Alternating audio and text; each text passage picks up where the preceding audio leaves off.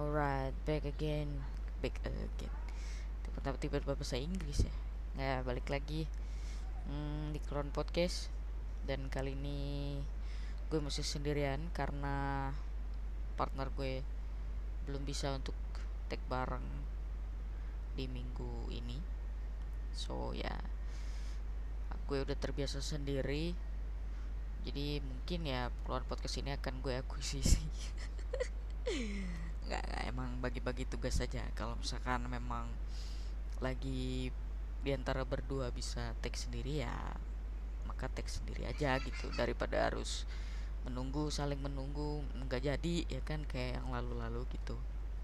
Oke teman-teman kalau misalkan teman-teman dengar suara anak kecil atau suara apa pun itu manusia ataupun binatang ya ya teman-teman udah tahu lah ya itu apa dan bagaimana begitu karena memang keluar podcast adalah podcast paling miskin.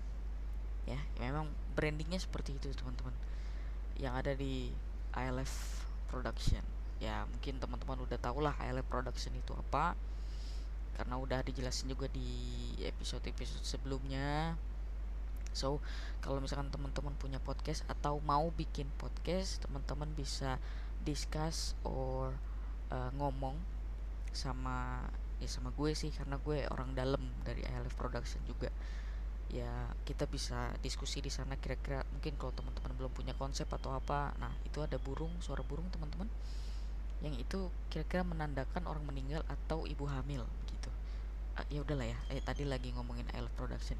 Ya jadi ya kalau misalnya teman-teman belum punya apa namanya eh, konsep atau mungkin udah punya ya kita bisa discuss bareng di situ kalau teman-teman juga udah punya banyak episode juga bisa gabung. Ya at least kita punya satu naungan satu payung bareng-bareng gerak bareng-bareng scheduling bareng-bareng. Yaitu di dalam ILF Production itu atau Authentic Love Family Podcast Production. Seperti itu ya teman-teman. Oke lah tanpa berlama-lama lagi kita lanjut ngobrol aja. Ya enggak sih gue ngomong kalian denger. Gitu ya so gini uh, beberapa minggu yang lalu teman-teman gue lagi ada di kantor dan uh, ya seperti yang teman-teman tahu karyawan yang ada di dalam uh, tempat gue bekerja itu makin sedikit gitu ya makin ya nggak sebanyak dulu jauh lah pokoknya mah kayak gitu dan uh, di mana pun gue berada dan ketika orang-orang di dalamnya itu tahu bahwa gue itu convert dari kepercayaan gue yang sebelumnya ke Kristen sekarang itu pasti kan banyak pertanyaan banyak obrolan banyak uh, apa ya ya bahan gitu ya untuk dijadikan uh, apa namanya dijadikan topik gitu ya. Ya dan kadang tuh ada rasa males ada rasa aduh gue lagi nggak pengen ngobrolin ini gitu. Tapi gue selalu ingat apa kata firman Tuhan. Anjay. Ya dong kita harus membawa firman Tuhan karena ya udahlah nggak usah panjang-panjang nggak usah pakai karena segala macam. Teman-teman udah tau lah. Ya karena gue Kristen gitu aja sih sebenarnya. Oke gue gue gue gue pada saat itu jujur ya ketika gue lagi ada di halaman belakang kantor gue terus uh, eh, gue tuh lagi lagi lagi males lagi males untuk berbicara tentang uh, apa namanya iya seputar itu kepindahan dari kepercayaan gue sebelumnya ke yang sekarang atau bahas-bahas agama apa pun itulah maksudnya bahas-bahas yang serius gitu karena udah pusing dengan pekerjaan yang ada kan gitu. Tapi ya inilah teman-teman ketika uh, apa ya Tuhan udah mengingatkan kita gitu uh, bahwa kita harus siap sedia untuk memberitakan firman untuk untuk menjadi saksinya dia untuk apa namanya untuk uh, ya memberitahu kabar baik gitu. Ya memang sangat jelas gitu siap baik atau tidak baik waktunya gitu loh. Baik atau tidak baik waktunya ini kan berdasarkan siapa gitu loh kan ya menurut gue pada saat itu ya waktunya tidak baik. Karena gue lagi mager gue lagi pusing kerjaan terus lo bahas sesuatu yang serius yang fundamental yaitu keimanan yaitu kepercayaan gitu ya yaitu keagamaan itu tapi gue ingat hal ini. Dan itu kan ada di 2 eh, Timotius 4 ayat 2 tuh kan beritakanlah firman siap sedialah baik atau tidak baik waktunya nyatakanlah apa yang salah tegurlah dan nasihatilah dengan segala kesabaran dan pengajaran dan seterusnya seterusnya gitu. Dan ayat itu perikopnya judulnya adalah penuhilah panggilan pelayananmu. Pelayanan kita ya memberitakan firman menjadi saksinya Tuhan. Gitu dan dan berkat itulah yang kita berikan sama orang-orang gitu. Dan sebenarnya itu berkat yang utama ya. Uh, ya berkat yang lainnya kan bisa materi bisa apa pun itu. Tapi pelayanan kita yang sesungguhnya adalah membagi hidup membagi waktu kita uh, memberikan telinga kita untuk dengerin orang-orang uh, membagikan mulut kita nih lidah kita untuk kita menyampaikan sesuatu yang yang orang itu butuhin gitu sesuai dengan pernyataan dia. Eh pertanyaan maksudnya. Kayak gitu. Nah karena gue inget ini so gue kayak ketika gue mulai ditanya-tanya eh oh ya pada waktu itu gue lagi di halaman belakang di kantor gue dan teman gue ini datang ya nggak ada babi bu bebo dia nanyain lah soal kok bisa sih gitu pindah dari yang sebelumnya ke yang sekarang dan segala macamnya. Ya gue hanya menceritakan sebatas uh, apa namanya yang dia tanyain gitu. Dan um, apa namanya uh, biasanya tuh saking udah seringnya gitu ya ditanya-tanya jadi gue kayak di luar kepala itu udah kayak ada template untuk gue menjawab. Kayak gitu kan jadi uh, nah menariknya adalah pada waktu itu ini tuh agak beda nih. Jadi gue menjawabnya itu melepaskan template yang ada gitu. Karena uh, jujur ya selama gue menceritakan pengalaman gue ke orang yang uh, bukan Kristen non Kristen itu gue akan uh, gue gue sih nggak pernah ya seingat gue untuk membandingkan kepercayaan sebelumnya dengan yang sekarang karena ya memang gue hanya menceritakan sebatas pertanyaan yang disampaikan. Kayak gitu. Dan bukan kebetulan pertanyaan yang pada saat itu teman gue sampaikan ini adalah mengarah kepada perbandingan antara kepercayaan gue yang sebelumnya dengan yang Kristen sekarang. So ya gue hanya mengikuti alur yang dia mau bawa aja gitu loh. Sampai satu waktu adalah uh, dengan uh, hal-hal yang fundamental seperti Tritunggal uh, dan segala macamnya. Sampai uh, ada pertanyaan tapi lu sebenarnya mengenal Islam gak gitu. Ya gue bisa bilang gue tahu. Dan ya gue nggak tahu sih bisa dibilang mengenal atau tidak. Cuman kan Islam itu adalah agama gue dari awal gitu loh. Dari gue lahir dan gue bukan yang orang yang main-main juga dalam agama gue pada saat itu. So gue bisa bilang gue kenal walaupun ya kenalnya itu sebatas mana kan ya standarnya beda-beda ya. Gitu dan gue jelasin gue ceritain segala macam. Dan ada satu statement dia bilang bahwa uh, ya ketika gue menjelaskan tentang Tritunggal itu ya ada satu statement dia bilang bahwa ya berarti lu sebenarnya tidak pernah mengenal Islam. Nah di situ ego gue kan ter, ter agak terganggu ya kayak anjrit gue udah ceritain lu lu masih bilang gue gak kenal gitu. Tapi entah mengapa ya itulah kekuatan dari Tuhan ya memberikan kesabaran. Itu gue cuman senyum aja dan ternyata kalimatnya belum selesai. Kenapa dia bisa bilang gue tidak mengenal Islam? Karena dia bilang kan dalam Islam jelas gitu bahwa Tuhan tidak beranak dan tidak memperanakan. Gitu. Dan gue cuma bilang ya memang tidak. Gitu. Memang enggak. Di sini enggak dalam artian ya memang Tuhan tidak beranak dan tidak memperanakan. Nah terus pertanyaan dia berlanjut bahwa ya terus kenapa? Ada Allah Bapa ada Allah Anak itu dan ini adalah jawaban yang tidak pernah gue sampaikan ke mana pun dan ke siapa pun. Gue cuma bilang pada saat itu Allah Bapak Bapak dan Anak itu adalah sebuah metafora bahwa sebegitunya Tuhan mau memiliki hubungan yang sedekat itu sama manusia sama ciptaannya yang yang dia ciptakan menurut gambar dan rupa dia. Dan manusia itu butuh metafora untuk sesuatu atau seseorang yang memang sulit untuk dipercaya.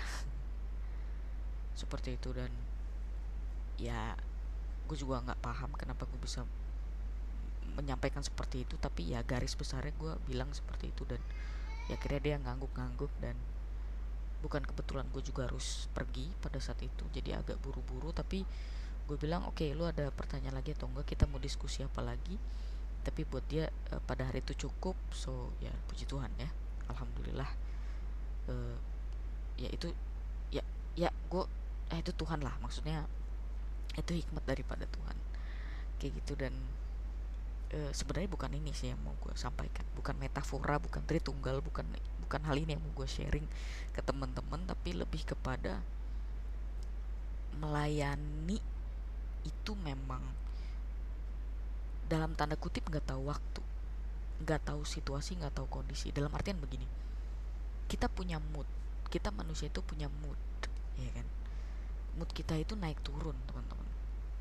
Yang tadi gue bilang mager lagi bad mood lagi stres akan sesuatu hal yang lain sehingga kayaknya aduh gue tuh aduh untuk ngobrolin sesuatu yang agama bukan agamawi ya ya bisa dibilang agamawi kerohanian itu kayak aduh tar dulu deh gitu gue butuh apa ya waktu dulu nih gitu. Tapi sore itu saya nggak bisa gitu.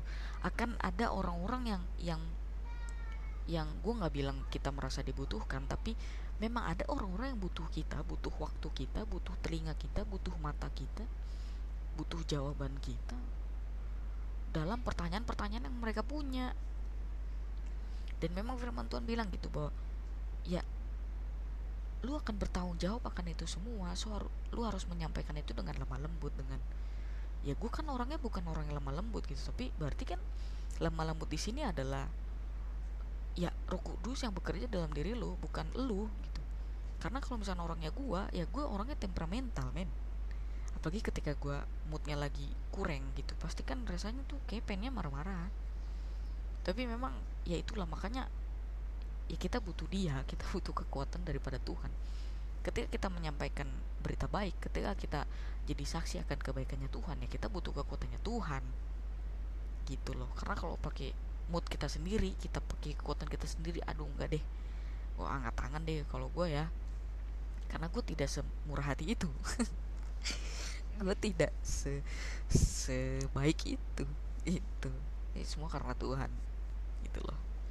Nah uh, di firman Tuhan yang lain pun bilang ya di Yakobus gue ingat banget Yakobus 4 ayat 17 tuh bilang kalau kita nggak tahu bagaimana kita harus berbuat baik eh, sorry sorry.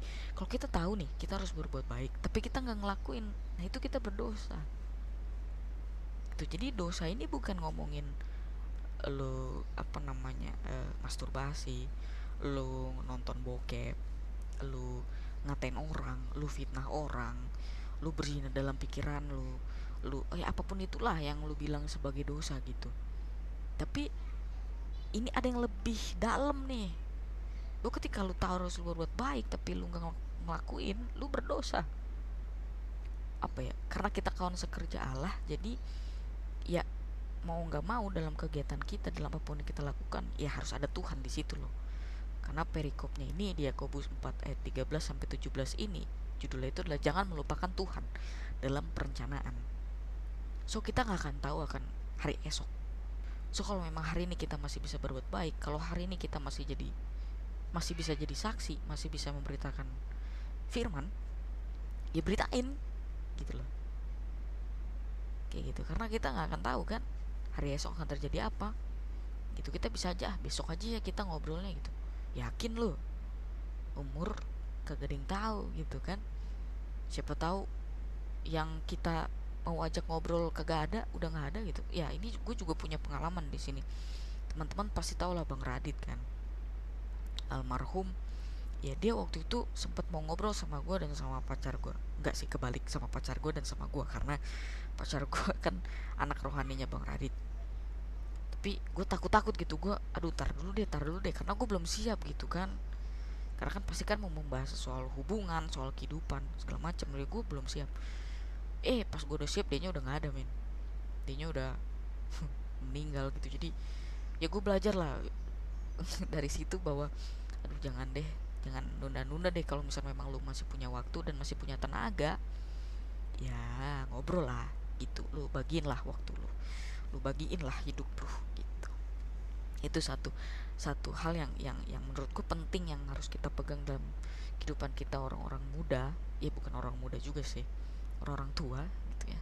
Yang yang yang tahu nih itu bahwa kita harus ingat nih berbuat baik itu berdasarkan firman Tuhan kan bukan berarti uh, bukan hanya berbuat baik berdasarkan moralitas teman-teman tapi berbuat baik sebagai pelayannya Tuhan sebagai kawan sekerja Allah. Berarti kan perbuatan baik kita itu adalah ketika kita jadi berkat jadi saksi. Ya kan? Kita menyampaikan eh kebaikan Tuhan apa sih yang terjadi dalam kehidupan lu? Gitu. Yang lo mau share. Gitu kan? Dan gak selalu kebaikan Tuhan itu berbentuk kejadian kejadian-kejadian yang enak kejadian-kejadian gak enak pun ya Tuhan berpekara dalam situ. Dan itu pun sebuah kebaikan Tuhan juga. Sekalipun kita ngerasainnya aduh gue stres aduh gue pusing aduh duit gue udah mau habis aduh baru gajian lu udah pusing lagi kita gitu. Aduh gue ada nggak ya duit buat nongkrong aduh gue itu itu yang lagi gue alamin teman-teman. Kepanikan kepanikan yang eh mengenai masalah penghidupan. Tapi ya itulah. Orang-orang di sekeliling gue datang sering kali di waktu yang tidak tepat menurut gue ketika gue lagi pusing ketika gue lagi stres ada aja Tuhan kirim orang-orang yang cerita sama gue yang mana mungkin hal-hal itu yang lagi gue alamin juga gitu yang lagi gue struggling juga. Tapi aduh Tuhan Tuhan gue tau lu baik gitu tapi nggak gini amat dah gitu. Tapi ya itu harus kita hadepin sebagai pelayan-pelayannya Tuhan. Kita gak serta merta kita bilang pelayannya Tuhan ketika kita khotbah di atas mimbar ketika kita main musik. Tapi ya ini waktu-waktu ya yang kita hadepin ini gitu. Lu bener gak lu pelayan Tuhan? Lu bener gak kawan sekerja Allah lu bener gak anaknya? Lu bener gak sahabatnya? Tunjukin lewat kehidupan lu sehari-hari. Bukan cuma hari minggu doang. Bukan cuma hari Jumat doang pas fellowship. Bukan cuma hari Sabtu doang pas ibadah youth. No. Bukan cuma satu waktu doang. Enggak setiap waktu. Kayak gitu. Nah ini ini ini yang yang gue pengen banget sharing ke teman-teman gitu karena emang nggak bisa nunggu waktu yang tepat gitu beda konteks dengan perkataan yang tepat. Ya kan di Amsal ada tuh perkataan yang tepat seperti emas seperti apa itu kan ada. Tapi ini beda konteks ya teman-teman. Jadi jangan dicampur adukan.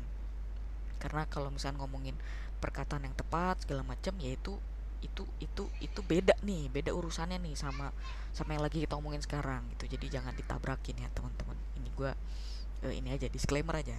Supaya nggak nggak nggak ini apa namanya nggak jadi ya perdebatan yang tidak seharusnya. Karena ya ngapain debatin sesuatu hal yang yang yang apa ya? Lu konteksnya apa gue konteksnya apa kayak gitu ya. Kayak gitu teman-teman. So ya semangat terus untuk teman-teman jadi uh, saksinya gitu ya. Karena memang kehendak dia adalah kita menjadi saksinya dia dengan kekuatannya dia dengan pengalaman kita tapi bukan bukan bukan pengalaman kita yang masuk ke dalam firman tapi firman yang masuk ke dalam pengalaman kita. Jadi jangan kebalik karena bisa jadi nanti ya nanti cocok logi gitu. Walaupun sebenarnya sah-sah aja sih untuk menafsirkan firman dengan dengan berda, uh, berdasarkan pengalaman kita tapi akan lebih baik kita menafsirkan firman berdasarkan kontekstualnya seperti apa. Ya bukan cuma anak teologi aja kok yang bisa melakukan itu.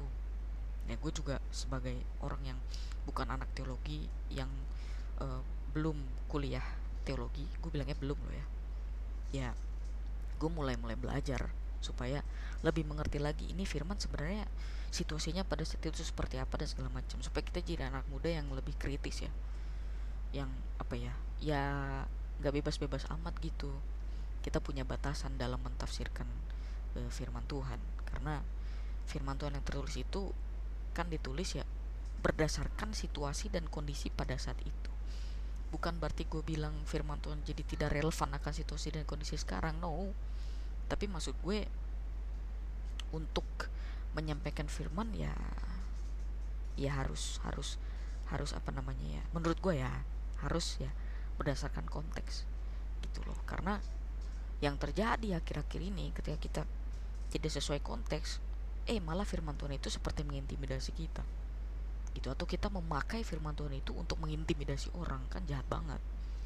Gitu. Seharusnya kita jadi saksinya dia kebaikannya dia kita malah menggunakan firman Tuhan untuk supaya orang lain itu melakukan sesuatu sesuai dengan kehendak kita. Itu itu kejahatan teman-teman. Itu namanya memperkosa firman Tuhan ya namanya memperkosa itu kan melakukan sesuatu hal yang kita paksa gitu. Kita paksa supaya sesuai dengan kehendak kita. Jadi tidak ada persetujuan kedua belah pihak. Itu namanya perkosa. Jadi seperti itu. Jadi yang seharusnya kita setuju dengan firman Tuhan ya kita memaksa firman Tuhan untuk setuju dengan kita. Wah itu nggak bisa. Walaupun ya boleh-boleh aja untuk menafsirkan secara bebas secara praktis boleh-boleh aja. Tapi ya balik lagi ya teman-teman firman Tuhan bukan hanya untuk memotivasi tapi itu sebagai kekuatan kita sebagai dasar kita untuk melayani sebagai dasar kita untuk bersaksi tentang kebaikannya Tuhan tentang kebesarannya Tuhan. Ya sebenarnya tentang kebesaran Tuhan ini gue juga ada satu perenungan tapi nggak akan gue bahas di sini karena akan tambah panjang. So ya itu tadi teman-teman. Hmm, gue cuma mau bilang kita harus tetap jujur untuk jadi saksinya dia kita harus tetap jujur untuk ya siap sedialah dalam segala waktu baik atau tidak baik waktunya untuk kita jadi saksinya untuk kita bagiin hidup kita. Karena menurut gue kita berdosa ketika kita berhenti melayani dia ketika kita berhenti untuk memberitakan firman. Ketika kita berhenti untuk memberikan waktu kita buat orang lain untuk kita menceritakan kebaikan Tuhan. Karena jelas dibilang kalau kita tahu bagaimana kita harus berbuat baik dalam kurung sesuai dengan firman Tuhan yaitu bukan hanya sekedar moralitas tapi sesuai dengan kehendak Tuhan yaitu menjadi saksinya. Maka kalau kita tidak melakukannya ya kita berdosa. Jadi sekiranya kita makin diteguhkan lagi kita makin eh, on fire lagi sekalipun mager sekalipun aduh pusing Tuhan atas masalah-masalah kehidupan ini tapi Tuhan bilang kalau kita fokus sama dia kita fokus sama perkara-perkara yang di atas sebenarnya tidak serumit itu karena yang membuat rumit adalah ego kita sebagai manusia. So itu aja dari gua. Ya semoga berguna ya. Semoga berfungsi di kehidupan teman-teman yang dengar ya kalau yang nggak dengar ya gimana berfungsi? Denger ya kagak kan gitu. thank you yang udah dengar sampai akhir.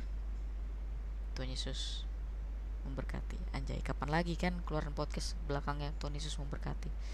Bye guys